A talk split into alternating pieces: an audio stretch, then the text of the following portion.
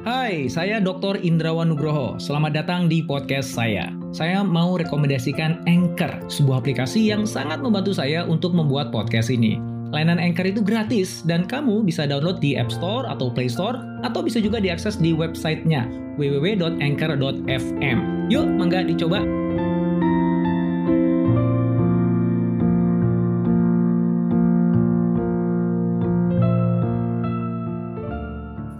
Tahu nggak teman-teman bahwa di masa pandemi krisis ini beberapa pelanggan itu mulai pindah ke lain hati.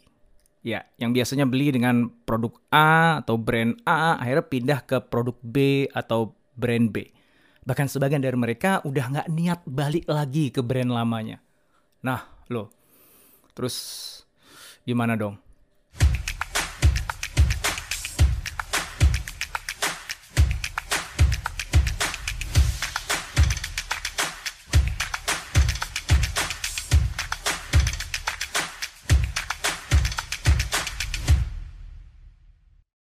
Oke, ini risetnya.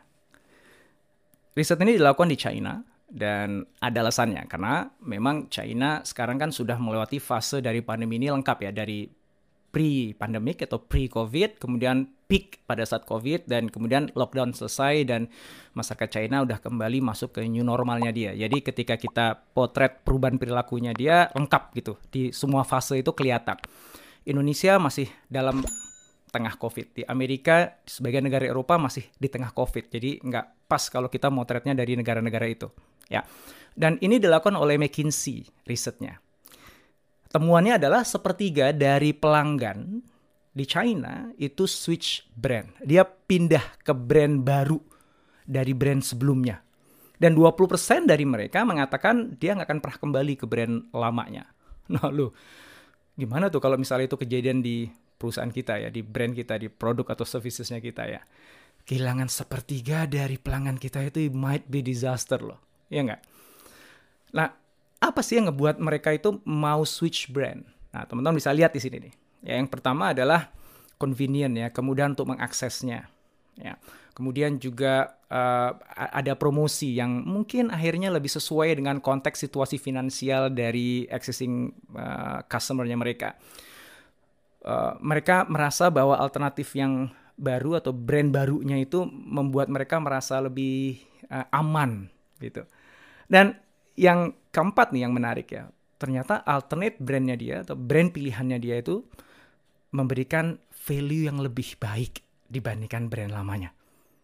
Dan yang kelima, yang terakhir, um, ya kebetulan produk brand lamanya dia susah untuk bisa diakses atau bisa didapetin pada saat itu. Ya. Nah, menjadi pertanyaan sekarang kalau kita mau reflect back ke perusahaan tempat kita bekerja atau perusahaan milik kita atau perusahaan yang sekarang kita punya amanah untuk jalankan, sudahkah kita melakukan upaya untuk jagain supaya customer kita nggak lari pindah ke lain hati itu? Sudahkah kita berupaya untuk membuat produk kita, layanan kita itu mudah diakses, nyaman untuk diakses, membuat customer kita merasa nyaman, transaksi, berurusan, uh, berbisnis dengan kita?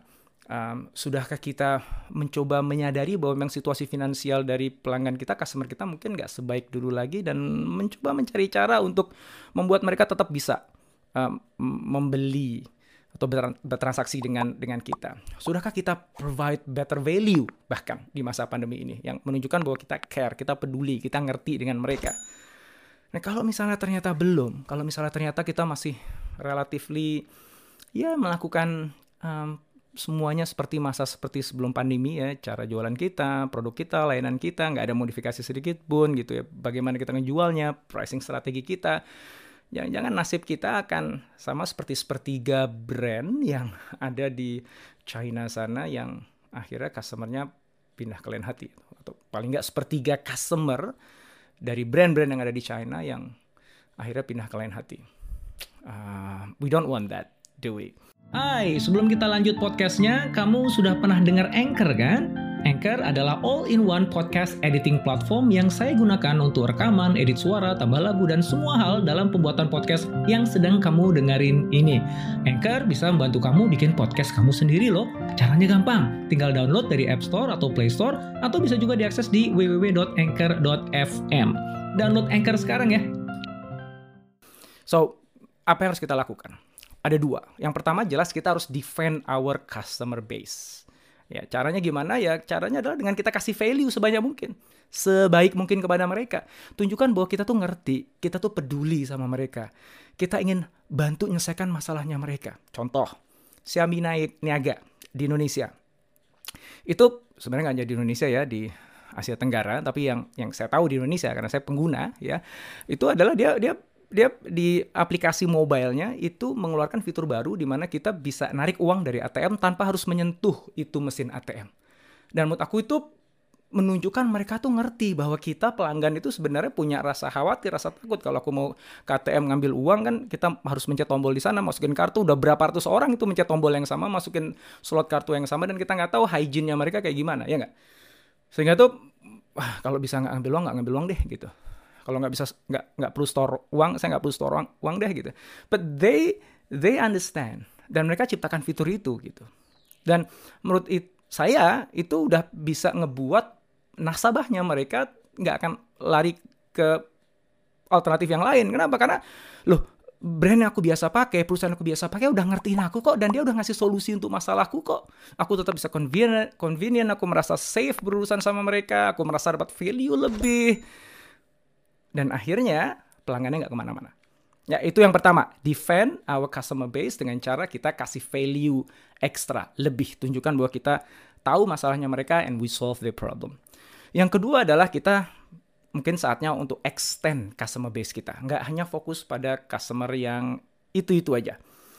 Karena terbuka sebuah peluang baru di tengah pandemi ini untuk kita memberikan layanan yang belum pernah kita berikan sebelumnya atau memproduksi barang yang belum pernah kita produksi sebelumnya. Contohnya, di fashion industry, ya ini ada artikel dari majalah Esquire yang mengatakan bahwa brand-brand besar dia benar-benar melakukan uh, riset di sana, teman-teman nanti bisa cari di internet bahwa brand besar seperti Prada, Gucci, Yves Saint Laurent dan brand-brand lainnya itu sekarang memproduksi masker dan hand sanitizer gitu yang mereka belum pernah produksi itu sebelumnya gitu. Kenapa? Karena mereka sadar bahwa ada kebutuhan itu di luar sana gitu.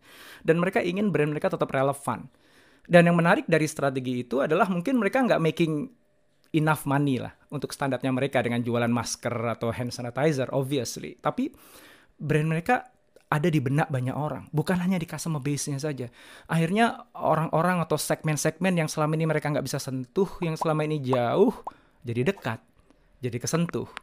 Dan bisa jadi mereka itu akan jadi future customer dari brand-brand besar itu nanti. Nah, sekarang kembali kepada Anda.